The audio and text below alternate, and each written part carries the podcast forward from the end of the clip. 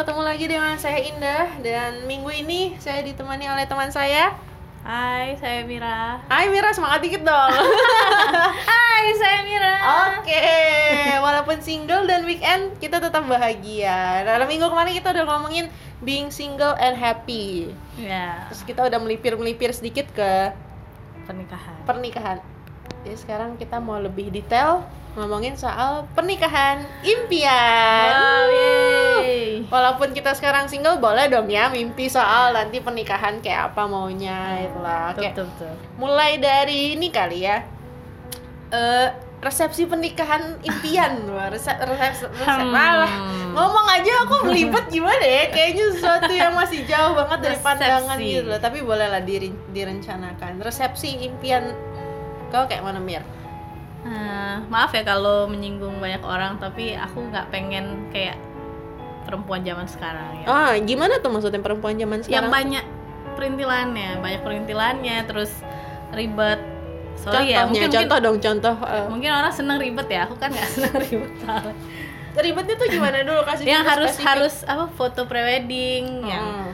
eh, terus abis itu mem- membagi-bagi kain terus Mm-mm. ada acara apa bridal shower dan membagi-bagi kain terus Hmm. terus eh, nanti foto-foto bridesmaid ini segala macam yang kayak gitu-gitu. Dan Hmm. kema- minggu kemarin aku udah bilang kan aku nggak suka kondangan itu karena itu ajang pamer. Jadi kurang private ya. Kayak pernikahan itu kan sakral. Mm-mm.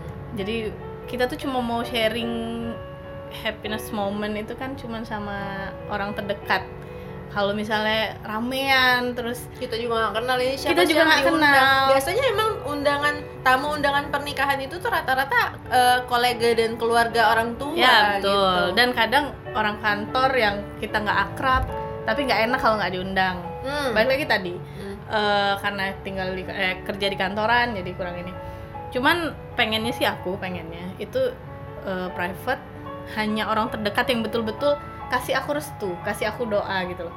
Bukan bukan kata-kata mohon doa restu itu sekedar mohon doa restu. Terus orang Oh. datang cuma nyinyirin makanannya nggak enak atau makanannya Oh, habis. betul, betul jadi bener-bener yang ya berbagi tawa berbagi tangis gitu loh maksudnya aku. Hmm. pengennya gitu. Jadi pengennya di satu tempat kecil paling banyak tuh 200 serius orang. Cuma 200 iya. Hmm. pengennya 200 orang keluarga aku udah besar loh. Jadi itu bener-bener temen deket yang ya kayak kalau aku kenal dari kecil tahu aku gimana Mm-mm.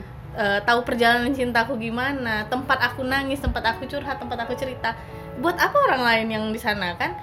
Belum tentu mereka sebahagia itu waktu hari nikahku aku bener-bener pengen orang yang datang tuh betul-betul bahagia. Hmm. itu sih. Jadi nggak pengen mewah atau rame atau banyak perintilannya. Hmm. dan budget jadi nggak beban Hmm, ya Gitu. kalau membagi-bagi kain untuk seragam itu memang kewajiban si sepertinya ya Hmm. sejauh ini adalah kewajiban si Nah, itu. pengantin gitu. Hmm. Tapi kalau bridal shower tuh kalau nggak salah tuh eh, teman-teman yang bikin gitu. Iya sih, ha, cuma nah, jadi kan karena karena tadi ya ini jadi tradisi di kita bridal shower teman-teman yang bikin itu kita jadi merepotkan teman walaupun mungkin mereka senang ya, mungkin Hmm, mungkin hmm. mungkin tapi jadinya tuh eh, aku ngerasa membebani teman padahal aku nik nikah, aku tuh pengen sharing kebahagiaanku, aku nggak perlu Oh, ngerepotin orang gitu loh. hmm. Orang mau datang pakai sepatu case apa pun adanya di rumahnya, mau dipakai aku bukan beban dia gitu loh. Datang cuma untuk menyaksikan dan menyelamati aku, memberikan aku restu. Pengennya tuh gitu Hmm. tapi mungkin bullshit ya karena orang tuaku punya teman pengen diundang Hmm.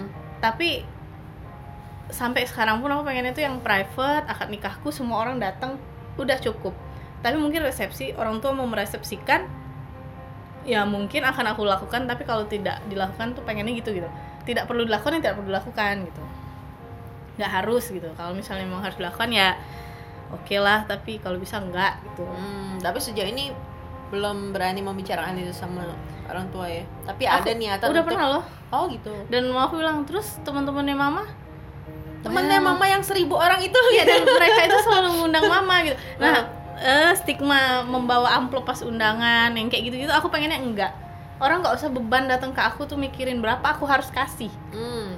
karena ya kebanyakan orang kan gitu kan ngasih berapa ngasih berapa yang Mm. gitu-gitu kan kepikiran temen deket ngasih sekian nggak Mm. usah dinilai materi gitu loh ini kan sharing kebahagiaan jangan sampai pernikahan ini melenceng gitu loh jadi untuk minta membalikan modal kan orang ah kan. iya betul betul tapi itu itu kejadian gitu Iya, loh iya, orang makanya. menikah terus berusaha balikin modal dari Hmm. amplop itu itu itu kejadian sih ya kalau aku sih pengennya itu sakral momen gitu loh ya kurang dapet lah momennya kalau cuma untuk hura-hura Hmm. sayang lah sayang karena selepas resepsi hidup terus berjalan nggak Hmm. sampai di situ terus di end film-film Hollywood atau Korea atau Indonesia yang abis kawin di end gitu loh Hmm, betul betul.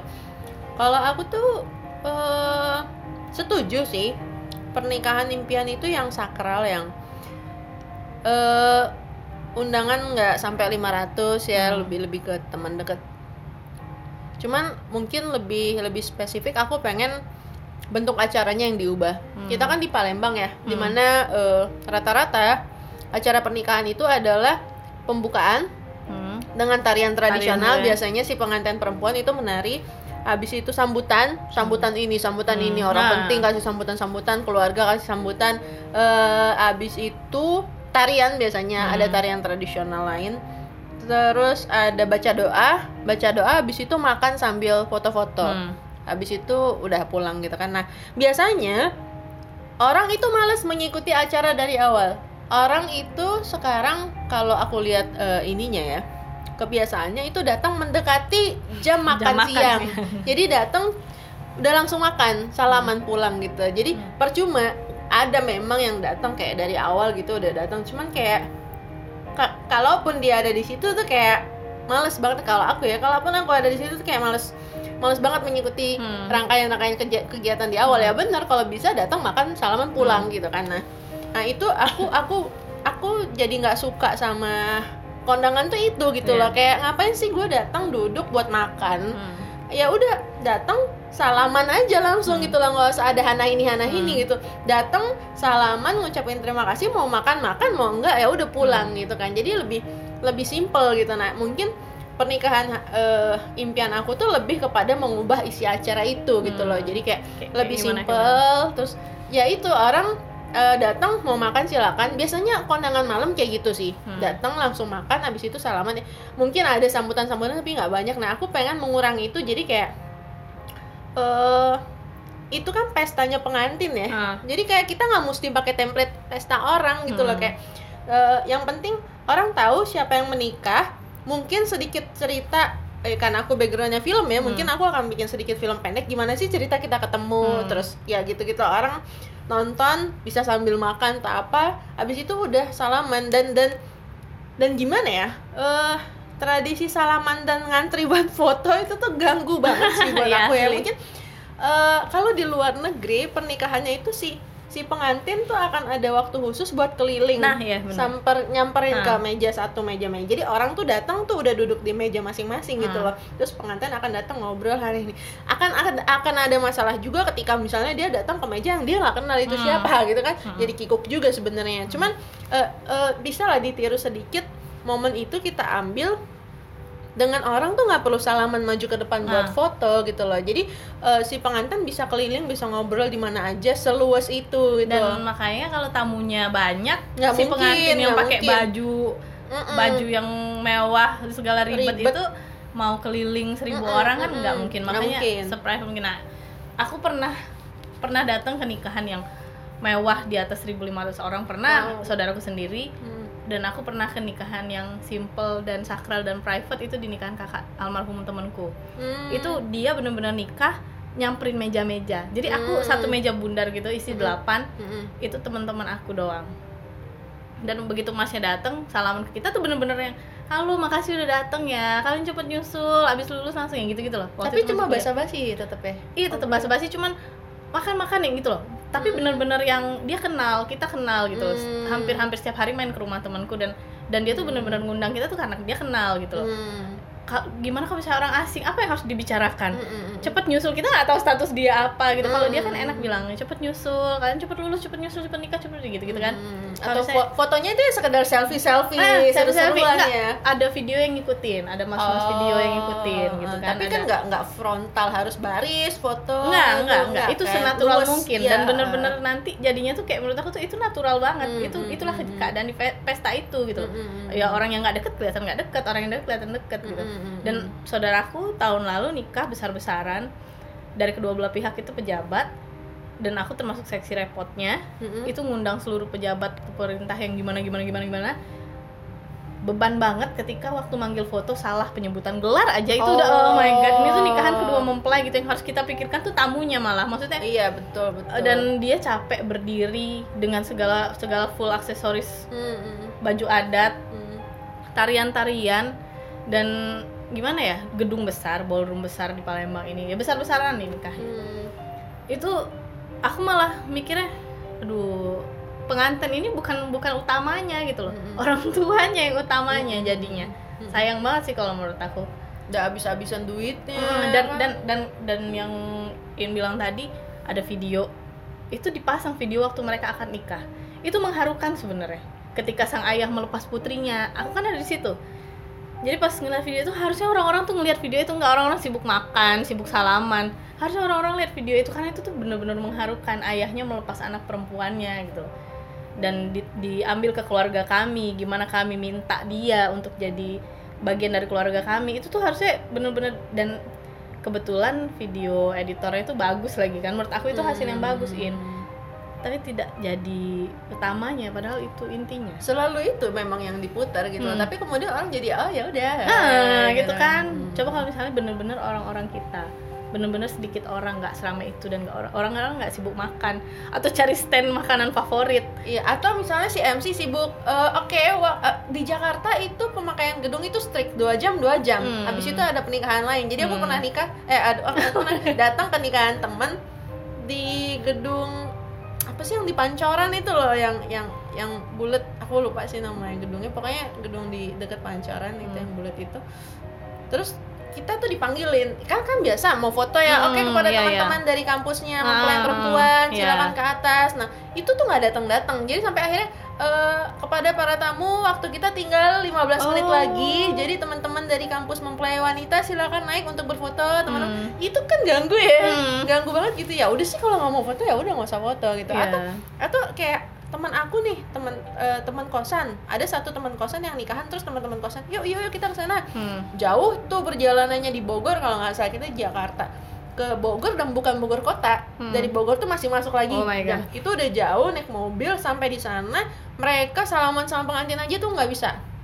Karena, acara adatnya panjang banget Oh. orangnya banyak banget. Mereka makan aja nggak sempet eh, boro-boro ketemu pengantin. Jadi kayak kita udah menghabiskan banyak waktu dan tenaga for nothing. Karena nggak nggak bisa. Jadi kayak eh, itu eh, adat Batak kalau nggak salah Oh. jadi adat Batak itu memang Banyak- banyak banyak banyak. Iya. banget ya acaranya dan kayak lo harus melewati beberapa eh, hierarki Iya, untuk iya. sampai ke pengantin kayaknya jadi mereka makan enggak salaman juga enggak gitu kan jadi kayak apa fungsinya gitu orang udah jauh loh datang sana nah yang Hmm. yang kayak gitu gitu tuh aku aku pengen menghindari sih gitu jadi kayak eh, aku pun adalah orang yang cenderung agak berat datang ke nikahan orang Hmm. gitu bukan bukan sombong ya itu tadi yang aku punya banyak alasan bahwa aku lelah aku malas pakai make up dan lain-lain Nah, ada teman-teman yang kemudian dia nikah pakai sepatu cats dia Ah. tulis di undangan gitu loh pakai baju casual aja pakai sepatu gitu. cats gitu Aku iya gitu. dan dia nikahnya mungkin. nikahnya di outdoor gitu jadi kayak ih sumpah aku pengen gitu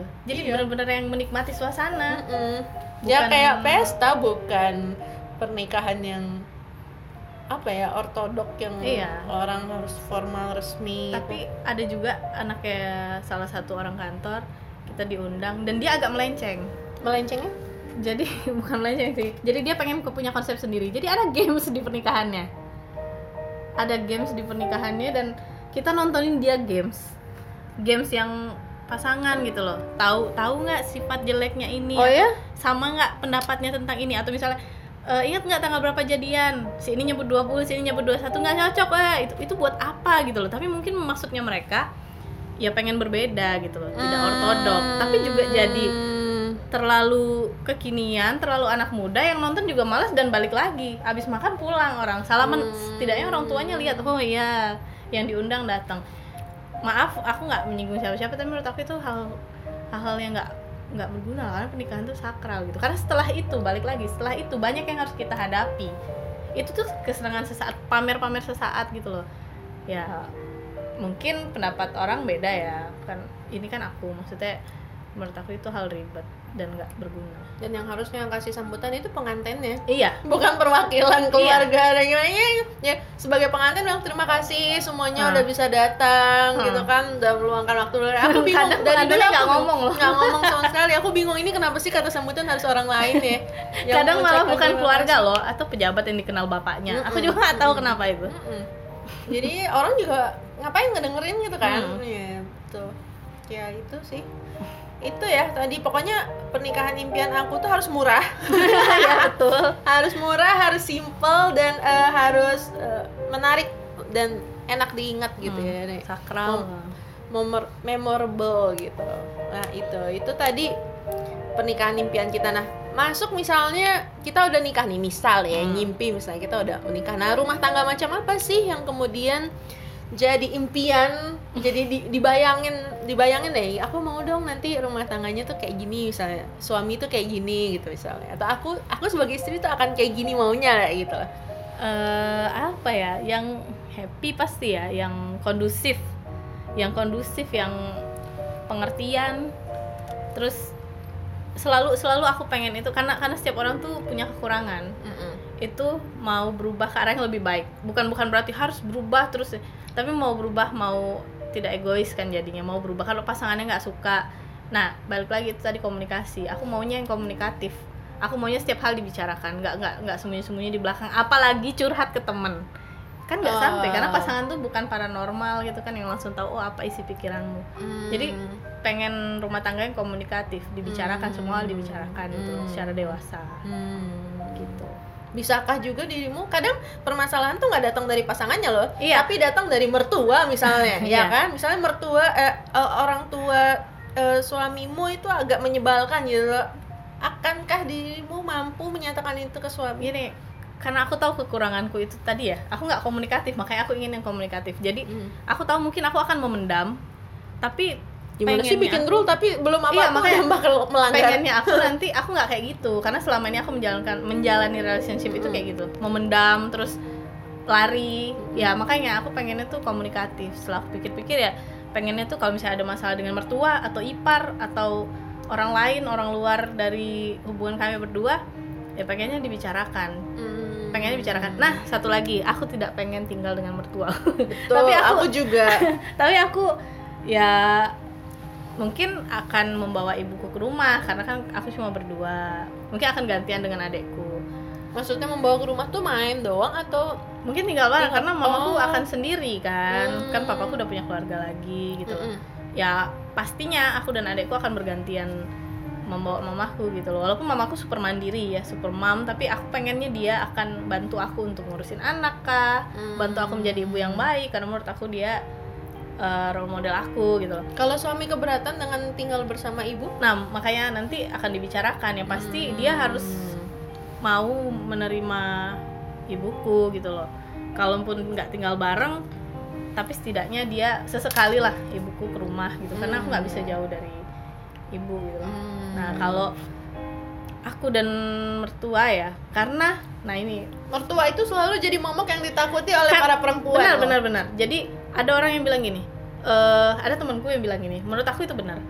Eh, mungkin nggak apa-apa ada mertua di rumah kita, tapi kita nggak ikut ke rumah mertua karena beda rasanya. Dia bilang gitu.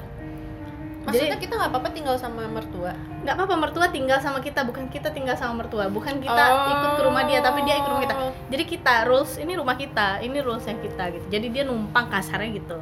Jadi Hmm. biasanya lebih tidak tidak ikut campur kalau dia tinggal datang ke rumah kita. Beda kalau dengan rumah dia gitu. loh.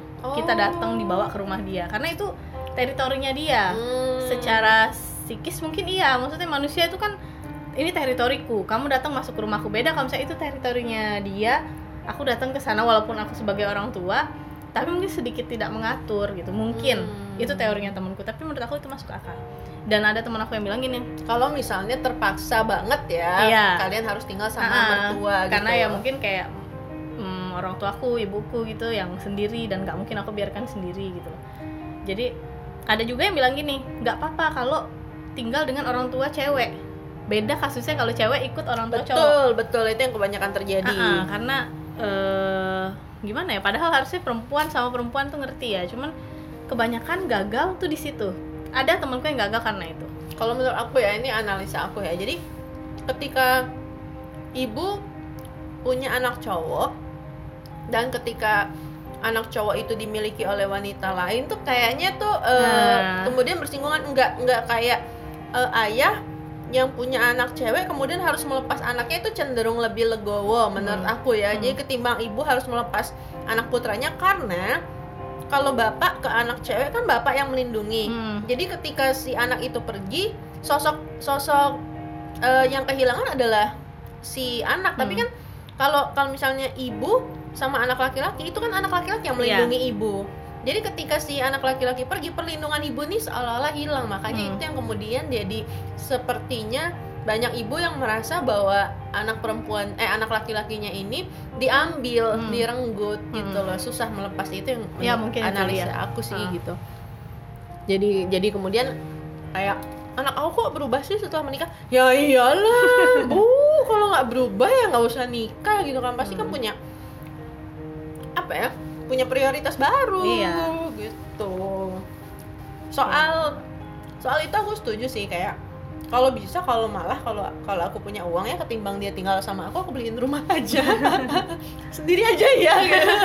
mohon maaf gitu bukannya nggak mau urus tapi kayak kita berdua aja tuh mungkin akan sering berantem akan Hmm. sering apa gitu loh ketika ketika ada orang ketiga walaupun itu ibu mertua gitu kayak akan ada orang lain yang menjadi sumber masalah ya ya Hmm. nggak ya nggak enak aja lah ibaratnya gimana sih berantem didengar orang ya males lah gitu kan ya dan belum lagi nanti suami itu kan memang harus nurut ke ibu ya jadi kalau misalnya terjadi konflik nah itu susahnya nanti dia susah milih itu kasihan Mm, mm, mm, mm. kalau kita kan memang Pilih aku atau suami. ibumu. iya ah, itu males banget kan pilih aku atau ibumu males ya. Nah itu itu urusan eh, tempat tinggal. Hmm. kalau eh, role suami dan istri impian gimana? Eh ya sesuai kodrat masing-masing iya. Tapi kalau misalnya tidak tidak harus tak suami mencari nafkah di luar terus pulang ke rumah itu dilayani terus istri full eh, ngurus keluarga gitu aku nggak mau kayak gitu sih aku pengen kerja yang tetap pasti. kerja jadi suami istri kerja Suami nah istri urusan kerja. rumah gimana jadi ya kalau bisa sih berbagi oh gitu karena karena eh, gini atau punya pembantu lah Iya punya Hmm. pembantu, pengennya sih gitu karena aku Hmm. juga nggak nggak skill buat nggak punya punya skill buat urusan rumah tangga. Aku nggak jago nyetrika Iya, ya nggak jago nyetrika, males masak gitu nyuci, ya. masak aku nggak enak gitu-gitu. Hmm. Jadi ya aku pasti pengennya ada asisten rumah tangga, tapi Hmm. eh, tapi kalau bisa sih suami ya ikut ngurus anak sih supaya dia Hmm. dapat peran bapaknya gitu, biar deket sama bapaknya Hmm. pengennya sih gitu eh, berbagi lah tapi tetap cowok ya harus jangan itu berlebihan sih kalau menurut aku cewek bisa bisa masang genteng sendiri kan kata orang gitu kan Hmm. cewek strong bisa ma- masang genteng sendiri terus eh, bisa ngangkat galon ya kalau ada suaminya ngapain cewek yang suaminya lebih kuat gitu sih kalau menurut aku cuma kalau Hmm. emang kalau nggak ada lakinya terus kita mau ngangkat galon oke gitu tapi kalau Hmm. kalau dibilang eh, cewek ngangkat galon sendiri apa apa sendiri gitu terlalu mandiri sih kalau menurut aku berlebihan juga gitu. Hmm. lakinya lah gitu atau tukeran kalau emang ceweknya lebih oke di urusan itu sementara cowoknya lebih oke urusan masak why not iya why not juga tapi kayaknya kayaknya eh, aku nggak sepenuhnya itu sih nggak sepenuhnya bisa menjalankan peran laki-laki soalnya Hmm. aku juga ya manja-manja kalau gimana itu urusan benerin genteng bisa panggil tukang bu gitu kan ya kalau aku setuju sih ada ada ada ada pembagian ya jadi wa- walaupun nggak kemudian strict bahwa kamu harus masak tiap hari ya nggak gitu Hmm. jadi kayak eh, aku memang tetap ingin bekerja tapi untungnya aku tuh kan freelance Iya. gitu jadi kayak aku bisa kerja dari rumah juga bisa sambil ngurus rumah tapi bukan berarti kemudian aku cuman di rumah terus aku nggak capek Hmm. gitu jadi kayak eh, rumah tangga impian aku adalah ya bagi tugas sama-sama gitu. Jadi Hmm. kayak suami bantuin urusan rumah juga dan istri kalau bisa bantuin urusan luar juga. Kayak misalnya tante aku nih tante aku bisa bawa mobil. Hmm. jadi dia kadang-kadang dia yang cuci mobil. Hmm. jadi gitu jadi karena mobil habis dia yang pakai dia yang cuci. Nggak mesti kemudian urusan mobil itu semua urusan om. Oh ya gitu-gitu. Atau misalnya kayak eh, bapakku nih misalnya. Di rumah kita semua bagi tugas. Misalnya aku tugasnya apa ibu tugasnya apa bapak tugasnya apa? Dan bapak itu nggak sungkan buat nyuci baju. Oke. Nyuci baju ngejemur baju gitu dia nggak nggak nggak merasa itu. Jadi karena di rumah udah terbiasa dengan pembagian tugas kayak gitu jadi aku kemudian kalau punya suami nanti harapannya nggak itu kan tugas kamu? Ih males banget gitu loh. Iya. bukan berarti eh, dan dan itu kenapa aku pengen tetap berkarir tuh supaya nggak disepelekan kayak gitu gitu itu loh. benar sih benar sih. Benar deh itu eh, jadi bukan mau menyetarakan gender juga bukan bukan ini tuh jadi jadi apa ya? Jadi ingin menyetarakan perempuan tuh nggak harus ini tetap ya kalau menurut aku tetap perempuan itu yang memang bertanggung jawab untuk itu gitu loh. Karena cewek kan multitasking katanya walaupun aku enggak tapi cewek itu multitasking. Jadi tetap di rumah yang pekerjaannya ribet itu memang harus kita yang atur. Tapi suami jangan sungkan juga untuk membantu gitu loh. Hmm. kalau menurut aku sih gitu. Jadi eh ya kayak bapakmu tadi yang ikut nyuci ih itu menurut aku malah justru laki banget Hmm. ya dia nggak segan gitu loh nggak terus men- menurunkan kelaki-lakiannya dia gitu loh Hmm. dibandingkan cowok yang eh, nonton TV seolah-olah dia seminggu kerja paling capek sedunia gitu-gitu aku males banget sih liat cowok yang kayak gitu Hmm. ya kan tim lah kita nih kan tim di, tim di dalam keluarga gitu jadi ada ada peran masing-masing saling membantu juga gitu tapi mungkin itu cuma akan terjadi kalau istrinya kerja juga kalau istrinya cuma di rumah tuh Iya mungkin sih. stigmanya akan beda kamu Iya kan cuma di rumah doang ngapain Iya. sih masa aku udah capek di luar aku harus bantuin kamu di rumah juga Hmm. padahal kalau mereka tahu urusan rumah itu nggak kelar kelar Iya. nggak habis habis Hmm. belum nyuci belum bersih bersih belum masak belum ngangkat lagi jemuran yang udah dicuci belum disetrika Iya, lagi justru kalau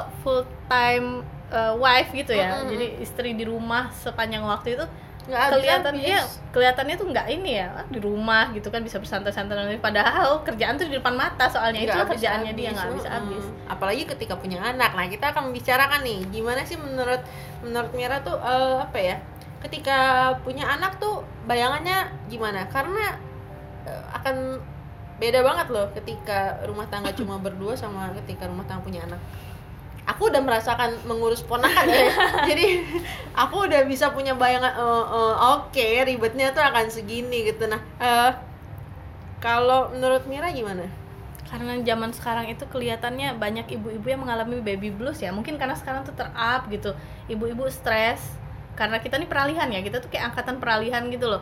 Banyak banyak orang tua yang masih pakai pakai sistem kepercayaan orang tua zaman dulu tapi anak zaman sekarang tuh lebih percaya yang modern modern Mm, mm, mm. jadi banyak yang stres. Misalnya air susu tidak keluar atau apa itu itu aku alami loh. Karena teman-teman aku kan sekarang nih pada yang pada yang baru punya anak yang gitu-gitu. Jadi air susunya keluar terus dia stres. Terus di Instagram lihat temennya yang nyetok asi sekulkas banyak di rumah itu sampai dibagi-bagi. Sampai yang wow itu menurut aku show off banget. Sementara ada ibu di luar sana yang yang sedang struggling untuk asi. Nah eh, tapi kalau kan mereka maunya berbagi mir sebetulnya ada juga yang enggak sih dan itu tuh Oh. membebani loh kalau menurut aku oh iya Iya, jadi aku pengennya ketika punya anak ya suami mensupport. Bukan Hmm. bukan abis dia nanam sperma terus kelar dia nggak mau ikut ngurusin waktu nangis, dia nggak mau ngelap waktu ee, Hmm. dia nggak mau begadang malam. Ya dua-duanya kita jalanin bareng lah gitu loh. Selain itu kan anaknya jadi bisa lebih deket sama bapaknya kan daripada Hmm. Daripada cuman sama ibunya cuma sama aja ibunya. Hmm. Jadi kayak kayak zaman dulu anak cuma mau nempel sama ibu ya aku pengennya juga dia nempel sama bapaknya. Bapaknya megang gendongan gitu. Oh, kalau karena aku sebagai penggemar program TV uh, The Return of Superman, Ah, iya. jadi menurut aku perlu banget ya di dilakukan gitu bahwa seorang istri dan sekaligus seorang ibu itu punya cuti Hmm. sebagai istri dan cuti sebagai ibu gitu Iya. karena aku barusan mengalami kemarin ya beberapa waktu yang lalu Eh, aku nih ngurusin ponakan karena Hmm. ibu dan bapaknya kerja Hmm. jadi anaknya adik ini anak adik adikku diurus sama neneknya which is ibu aku Hmm. sementara ibu aku juga masih kerja sesekali ya kayak Hmm. sehari itu pergi 3-4 jam gitu Hmm. nah di waktu kosong itu kemudian aku yang mengurus anaknya yang ngurus ponakan aku gitu nah itu aku nggak 24 jam ngurus Hmm. nggak seminggu tujuh hari juga aku Hmm. cuman senin sampai jumat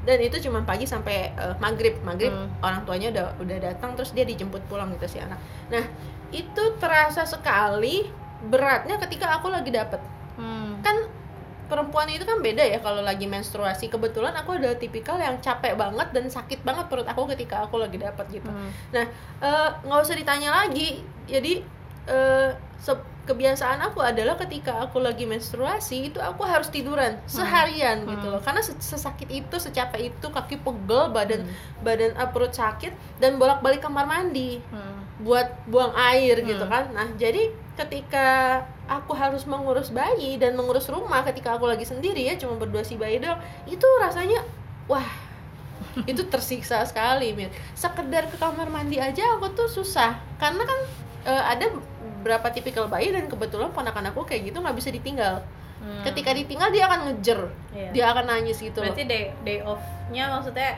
day off-nya pas kita lagi Ah, ah, jadi PMS menurut gitu aku ya? ke- ketika ini adalah harapan aku ya ketika nanti berumah tangga suami itu akan paham bahwa di hari-hari tertentu aku butuh cuti Ah. cuti sebagai istri dan cuti sebagai ibu Iya. butuh full rest day gitu nah yang yang hal-hal itu mungkin masih jarang diungkapkan oleh para wanita kali ya Iya. gitu kan se- soal itu gitu tapi aku aku pengen pengen isu itu diangkat kalau jadi ada beberapa temen yang kantornya baik banget gitu tiap kali karena kantornya tahu dia ketika menstruasi itu selelah itu darahnya tekanan darahnya turun dia bisa sampai pingsan Hmm. akhirnya setiap kali menstruasi hari pertama itu dia dikasih cuti Wah. itu Itu keren sebenarnya kan? ada loh, sebenarnya ada itu. iya tapi kan nggak berlaku di Indonesia Nggak. gitu kecuali kamu punya bos yang oke banget Ah. yang baik banget gitu kan nah aku pengen itu tidak cuma terjadi di kantor tapi di rumah bahwa Hmm. kita butuh istirahat jadi suami aku ketika aku lagi butuh cuti itu dia rela untuk cuti dari kantornya mengurus anak gitu ke Hmm. rumah. Nah hal-hal yang kayak gitu yang menurut aku spesifik aku aku pengen nanti terjadi di di rumah tangga aku. Bukan kemudian aku manja atau apa ya kemudian suami aku jadi diceng-cengin orang ih cuti menstruasi nih suaminya gitu kan. Tapi tapi sekarang tuh udah ada cewek-cewek yang ngerti me time jadi ada ada salah satu ibu di kantor lah ya ibu baru di kantor Eh, dia dia bilang ini me time-nya aku gitu anaknya ya kebetulan orang tuanya ada jadi eh, dititip ke orang tuanya Hmm. tapi peran suami di situ tuh juga nggak terus dia yang jaga anaknya kayak di Superman Return gitu Hmm. jadi ya dia me time seharian itu dia me time dia mau pijet dia mau apa dia mau belanja dia mau cuci mata Hmm. ya anaknya dititip ke orang tuanya gitu loh atau ke saudaranya Hmm. atau kayak kayak Indah tadi kan dititip ke Indah gitu ada Indah Hmm. Indah ke saudaranya nah itu ya suaminya juga nggak nggak terus di rumah ngurus anak gitu Hmm. Ya, aku pengennya Padahal malah- bisa dilakukan ketika hari libur misalnya. ah, kan. iya jadi ya pas hari libur juga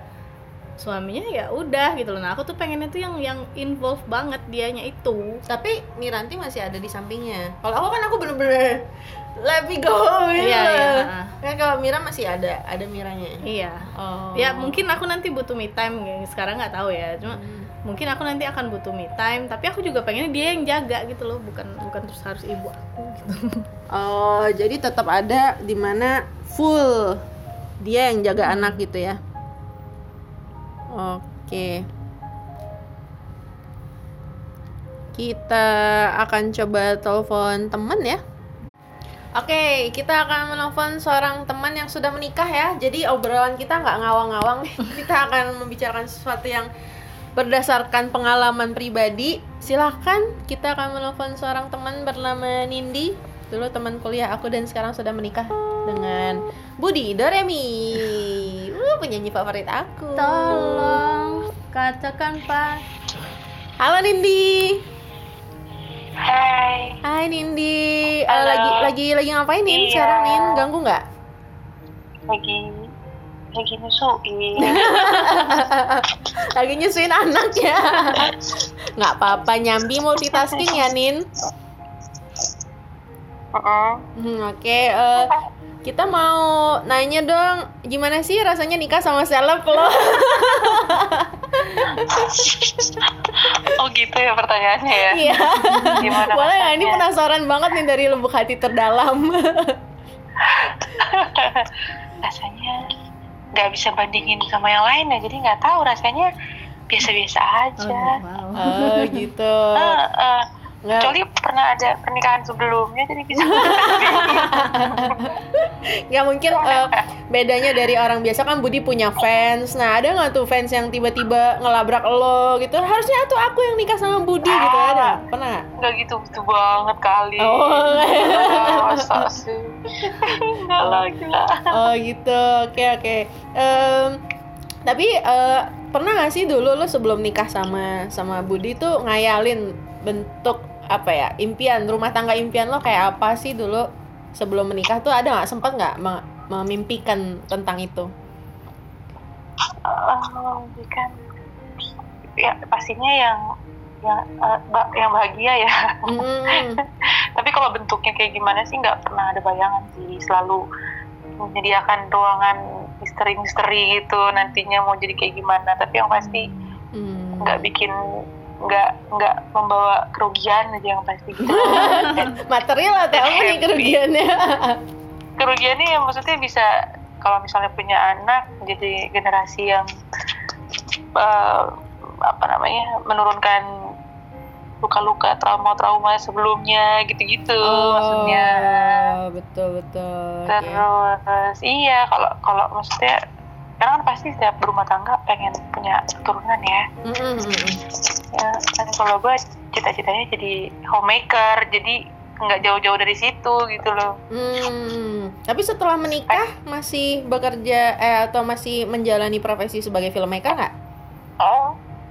Eh enggak sih karena nggak kepengen kehilangan sedikit momen pun gitu loh kayak karena eh, kalau misalnya lo tahu ibu-ibu lainnya pasti di handphonenya ada ribuan foto anaknya tuh Hmm, hmm, hmm, hmm.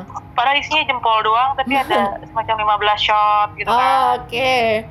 anaknya cuman ngambil apa doang tapi direkamnya segala macam angle Hmm, gitu hmm, kan. hmm, hmm, hmm. kayak gitu tuh gua nggak pengen kehilangan gitu loh jadi Hmm. nanti kali ya kalau udah pada bisa ditinggal mungkin Hmm. ada pikiran ke sana gitu tapi Iya. kalau kemarin-kemarin sih nggak sama sekali sih nggak sempat soalnya Hmm. kayak dikasih kayak di- kayak eh, dikasih pilihan nggak dikasih pilihan sih sebenarnya bisa aja ada yang jalanin keduanya dengan baik kan Hmm, hmm, hmm. tapi kalau gue satu aja payah apalagi dua ya gitu maksudnya kalau Hmm. domestik dan, dan juga berkarir gitu satu aja payah apalagi dua kayaknya ngos-ngosan di sana sini gitu Oh gitu. Tapi lo nggak nggak nggak kemudian merasa mengorbankan impian lo ya? Karena dari dulu kuliah di film, terus setelah menikah memutuskan untuk jadi full time ibu rumah tangga gitu.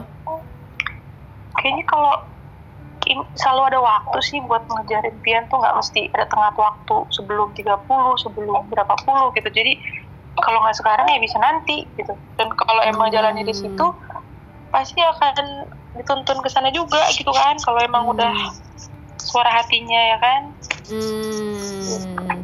jadi nggak sih nggak ada rasa tidak ada rasa apa namanya mengorbankan gitu cuma kadang-kadang suka suka karena dragging kan kadang-kadang intens banget bareng sama anak-anak tuh kan intens banget ya kadang sampai terlalu kelelahan kali ya sebutannya Hmm. padahal kan cuman di rumah doang tapi ternyata banyak juga ya, kerjaannya gitu. ya. Oh. iya full time banget ternyata ya Mm-mm. in house saya in house In house dalam arti sebenarnya ya.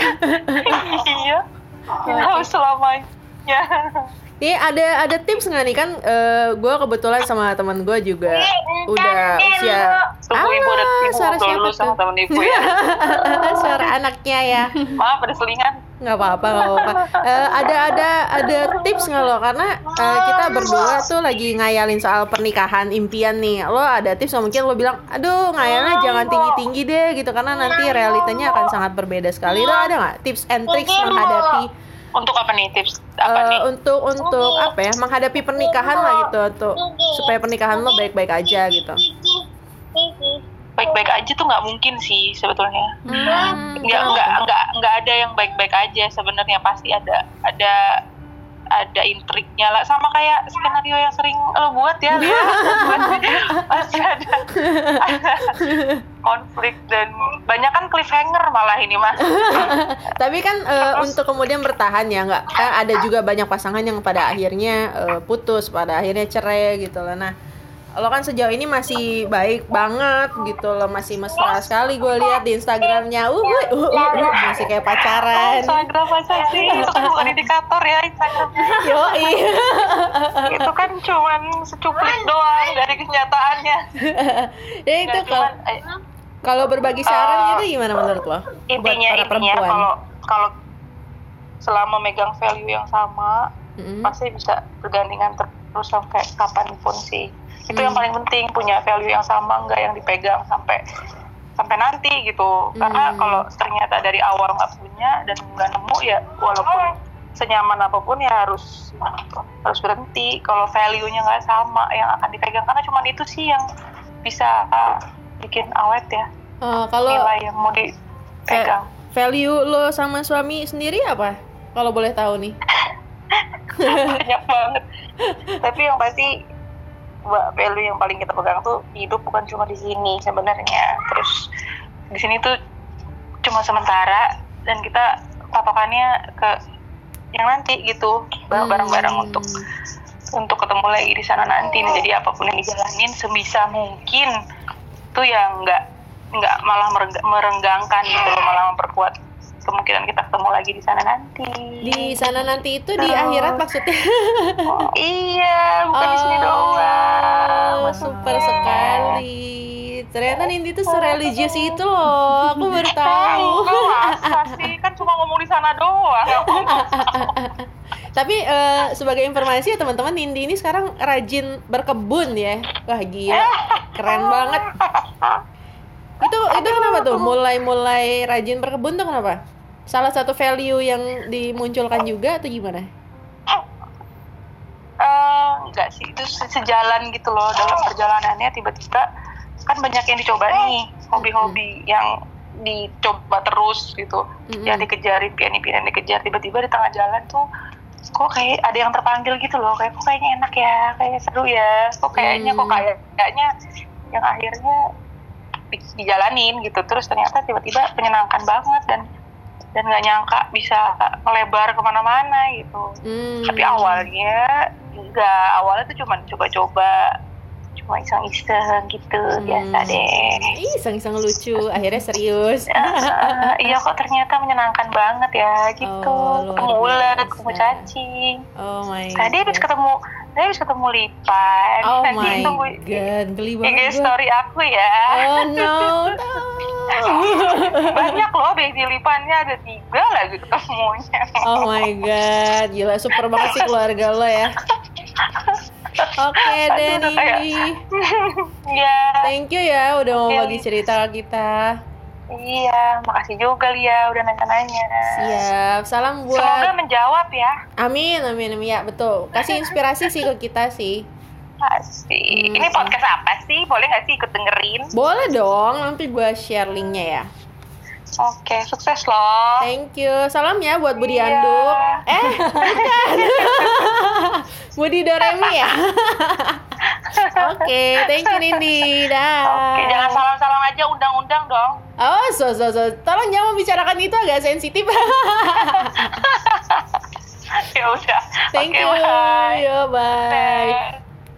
Oke guys, itu tadi Nindi eh, istrinya Budi Doremi, salah satu selebritis yang lagunya tuh enak banget ya Mir. Iya. Didengar kayak membawa kita ke pantai gitu loh. asli tapi yang satu satu hal yang dia bilang nggak bakal baik-baik aja betul betul itu kayak langsung jret nyetrum ya Iya. Mir oh my god gitu loh ya emang jadi kayak ada temen aku juga yang bilang bahwa eh menikah itu adalah memasuki sebuah babak permasalahan baru Hmm. dalam hidup gitu Hmm. loh bukan kemudian kamu menikah untuk menjadi ba- baik-baik saja dan happily thirty after eh happily after gitu jadi Happy kayak ever after eh tadi yang aku tangkap dari Nindi itu dia bilang satu harus punya value bersama ya Iya. harus satu value-nya harus eh, Sama. sama. seimbang sejajar terus mencoba hal yang baru Hmm. mungkin itu kali ya yang yang kemudian menjadi salah satu perusak rumah tangga adalah dulu waktu pacaran tuh kayaknya suka eh kita nyobain ini yuk Mm-mm. kita ke sini yuk gitu lah kayak kita jadi punya partner in crime hmm. setelah menikah terus jadi mandek hidupnya gitu loh. nggak asik membosankan Iya, ya nggak nggak mencoba hal menantang yang baru. Hmm. Walaupun hal menantang itu nggak mesti kayak memacu adrenalin terus lo main para layang atau terjun payung atau apa gitu. Sekedar kayak Nindi itu berkebun. Jadi eh, Nindi ini mulai apa ya? Mulai menggunakan kembali segala hal yang udah dia pakai misalnya kayak eh, cangkang telur Oh. kemudian dikeringkan di dia apa ya ditumis kering untuk kemudian dijadikan pupuk Oh. atau misalnya kulit kulit pisang Oh my God, kreatif kulit sekali. jeruk Ah, ah, jadi dia berkebun dan semua dari kebun itu adalah dari limbah rumah tangga sehari-hari Wow. jadi dia bisa sampah yang dia buang itu sangat sedikit sekali Hmm. karena sebagian besar itu dimanfaatkan kembali buat kebunnya mungkin ya mungkin ya istri-istri yang apa ya kan banyak ya kasus ya sekarang ini kan istri yang nggak asik lagi nggak menarik lagi atau apa setelah Hmm. punya anak setelah Mm-mm. mengurus rumah tangga atau suami yang nggak menarik lagi Iya, atau sebaliknya yang gitu menggembung, Ah, atau terus- sebaliknya Ah. itu mungkin karena sudah menjadi tidak sama tuh karena udah nggak nggak ada tantangannya lagi membosankan gitu loh. Mungkin kalau Nindi ini mungkin dia eh, selalu selalu ada excitement di hidupnya baru itu. eh, mencoba mencoba hal yang baru. Jadi kayak mereka juga baru-baru ini tuh coba eh, apa ya traveling pakai mobil. Hmm. nginep di mana gitu kayak kayak di luar negeri lah. Lo pakai mobil terus nginep di outdoor. Mungkin Wow. nggak nenda Anaknya tapi berapa sih? anaknya tiga sekarang tiga anak. Dan masih kecil semua. Yang masih paling kecil tuh masih bayi. Aku lupa Hmm. secara spesifik umurnya berapa. Cuman kayak beberapa waktu yang lalu again aku lihat dari instagramnya dia tuh kayak berpetualang ke mana pakai mobil bareng-bareng Seru tidur ya, di seru mobil. ya. Mm-mm, jadi Dan kayak hidup pernikahan itu tidak selalu membosankan. Nah menurut aku tuh ya sebagian besar orang lupa bahwa bukan berarti kemudian kamu menikah kamu harus jadi orang tua Hmm. yang udah berhenti berevolusi, berhenti eh, mengeksplor diri dan lingkungan gitu. Jadi itu mungkin jadi salah satu hal yang bisa menjadi eh, apa ya sesuatu yang mempertahankan rumah tangga kalian gitu. Jadi kepikiran sesuatu yang baru ya setelah mendengar itu. iya tapi cari dulu betul betul kita kita namanya juga lagi ngomongin berhayal ya kan Hmm. itu kita kita value yang sama ya bener-bener iya kan Uh-uh. kayak kayak dari tadi kita ngomongin ya harus satu value gitu loh harus Hmm. sejalan harus satu visi kalau udah beda dari awal ya udah gitu Mm-mm. dan itu tuh harus dicapai dengan komunikasi yang baik dari Hmm. awal gitu kalau eh, dan menurut aku apa pun value-nya eh, entah itu urusan akhirat nanti atau entah itu urusan dunia kalau kalau namanya value itu harus sesuatu yang baik dan menjadikan diri kita lebih baik Hmm. lagi itu kemudian bisa apa ya bisa dianggap value gitu loh nggak nggak mesti seberat value nani nindi gitu Iya. loh bahwa hidup sekarang untuk nanti hidup di akhirat ya nggak mesti se- seberat itu juga gitu bisa value yang eh, ukurannya ya di hidup yang sekarang aja gitu itu sih jadi itu tadi ya beberapa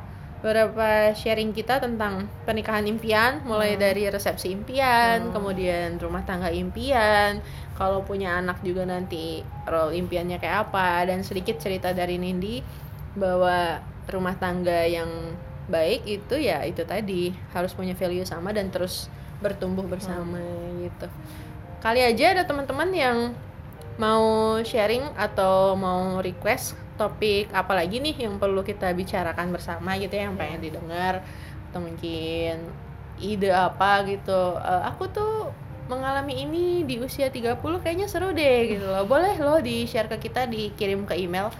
Emailnya ada di eh, di podcast ini silahkan dicek. Nanti kita akan kembali di episode episode selanjutnya ya terima kasih sudah mendengarkan kita dan tetap semangat di usia 30 Yeay. belum menikah nggak apa-apa.